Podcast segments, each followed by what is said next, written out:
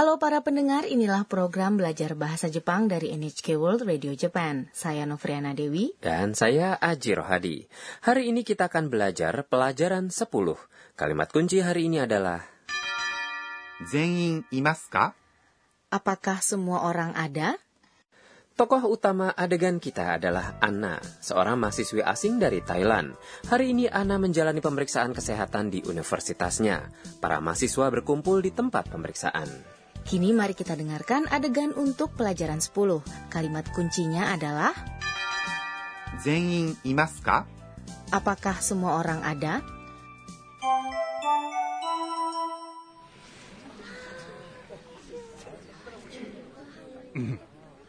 はじめに身長と体重を測ります全員いますかアンナさんがいません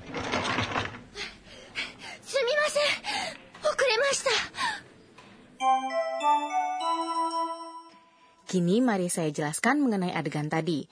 Profesor Suzuki mengatakan kepada para mahasiswa, はじめに身長と体重を測ります。 pertama-tama kami akan mengukur tinggi dan berat badan Anda. はじめに Berarti pertama-tama 身長 adalah tinggi badan. と adalah partikel yang berarti dan. Partikel ini menghubungkan kata benda. 体重 adalah berat badan. O adalah partikel yang mengindikasikan objek dari suatu tindakan. Hakarimasu adalah kata kerja yang berarti mengukur. Lalu Profesor Suzuki melanjutkan, Zenin imasu ka? Apakah semua orang ada? Ini adalah kalimat kunci hari ini. Zenin adalah semua orang. Dalam hal ini, semua mahasiswa. Imaska? Terdiri dari imas kata kerja yang mengungkapkan keberadaan orang, yaitu ada atau hadir, dan ka, partikel yang mengubah kalimat menjadi pertanyaan. Mari kita berlatih bersama. Zenin imaska? Dalam pelajaran 7, kita mempelajari arimas yang artinya ada atau berwujud, yaitu kata kerja yang mengungkapkan keberadaan sesuatu. Tidakkah kita dapat menggunakan arimas di sini? Sayang sekali tidak bisa. Arimas. Merujuk pada keberadaan benda. Kita menggunakan imas untuk merujuk pada orang dan hewan. Jadi misalnya di sini ada anjing. Anjing itu adalah inu. Jadi kita mengatakan inuga imas, ya? Betul sekali. Mari kita kembali ke adegan tadi. Profesor Suzuki bertanya, apakah semua mahasiswa hadir? Rodrigo, teman sekelas Anna, menjawab, Anna-san ga imasen. Anna tidak ada. Anna-san adalah Anna ditambah panggilan hormat sang. Nga adalah partikel yang mengindikasikan subjek. Kita mengucapkan partikel nga sebagai suara hidung. Namun bahkan jika Anda mengatakannya sebagai suara biasa, ngak. Anda tetap akan dipahami. Imasen. Artinya tidak ada, adalah bentuk negatif dari imas yang artinya ada. Wah, apa yang terjadi pada Ana ya? Saat itu tiba-tiba pintu terbuka dan Ana masuk dengan terengah-engah. Sumimasen, okuremashita. Mohon maaf, saya terlambat. Dia nampaknya terlambat bangun. Sumimasen. Adalah mohon maaf atau permisi.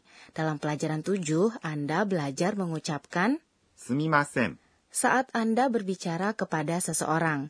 Jadi, sumimasen, wa arimasu ka? Berarti, mohon maaf, apakah ada kue krim? Sekarang Anda juga dapat menggunakan ungkapan ini saat Anda meminta maaf seperti dalam kejadian tadi. Okuremashita adalah bentuk lampau dari 遅れます。 yaitu kata kerja yang berarti tiba terlambat atau datang terlambat. Untuk mengubah kata kerja bentuk mas menjadi bentuk lampau, ubahlah ます。 menjadi ました。 Dalam bahasa Jepang, kita menggunakan bentuk lampau dari kata kerja untuk mengungkapkan segala tindakan yang sudah selesai. Ini termasuk apa yang diungkapkan oleh aspek selesai dalam beberapa bahasa lainnya. Jadi Aji, tolong jawab pertanyaan ini. Bagaimana mengatakan saya makan dalam bentuk lampau bahasa Jepang. Hmm, makan adalah tabemas. Apakah menjadi tabemashita? Persis.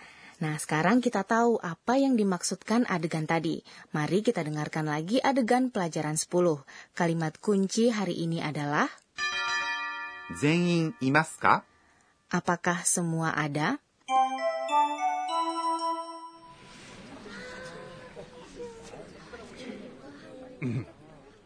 Hajime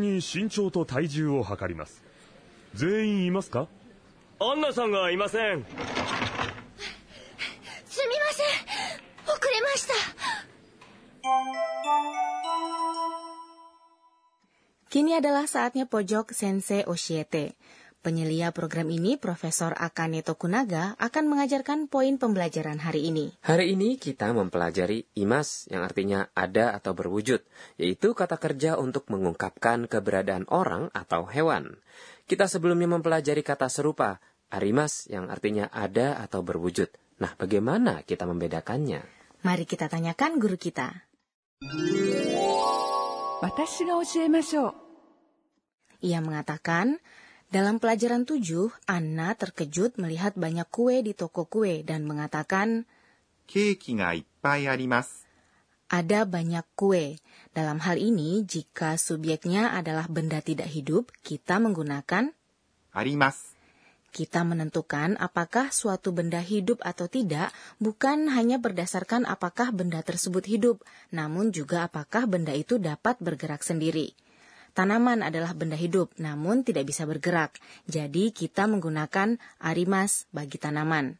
Ikan yang dijual di toko tidak dapat bergerak, jadi kita menggunakan arimas untuk ikan-ikan itu juga. Namun ikan di akuarium bergerak, jadi kita menggunakan imas.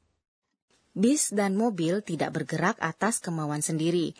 Namun jika ada yang mengendarainya, kita menggunakan imas. Untuk menyimpulkan, kata kerja untuk mengungkapkan keberadaan orang dan hewan adalah imas. Bentuk negatifnya adalah imasen. Saat kita membicarakan mengenai keberadaan benda tidak hidup, kita menggunakan arimas. Bentuk negatifnya adalah ありません。 Itulah tadi pojok Sensei Oshiete. Berikutnya adalah pojok kata tiruan bunyi. Kita memperkenalkan kata-kata yang menyerupai bunyi, suara, atau perilaku. Kata berikut ini dapat digunakan untuk mengungkapkan perasaan Anda saat Anda menerima hasil ujian. がっくり。 Hmm, siapa pun yang mengatakannya tidak terdengar gembira. Betul sekali. Kita mengucapkan ini saat kita kecewa. Kita juga mengatakan ini saat kita kalah dalam pertandingan olahraga atau saat kita kecewa dan membungkukkan kepala kita dalam-dalam. Ada lagi ungkapan lain yang punya konotasi yang serupa. ガーン。Saya tahu ungkapan ini. Gang sering digunakan dalam mangga khususnya dalam adegan di mana karakternya terkejut dan nampak pucat. Gang. Hanya dengan mengucapkan ini, kita dapat menyampaikan bagaimana terkejut dan kecewanya kita. Dalam kata tiruan bunyi hari ini, kita memperkenalkan gakuri dan gang.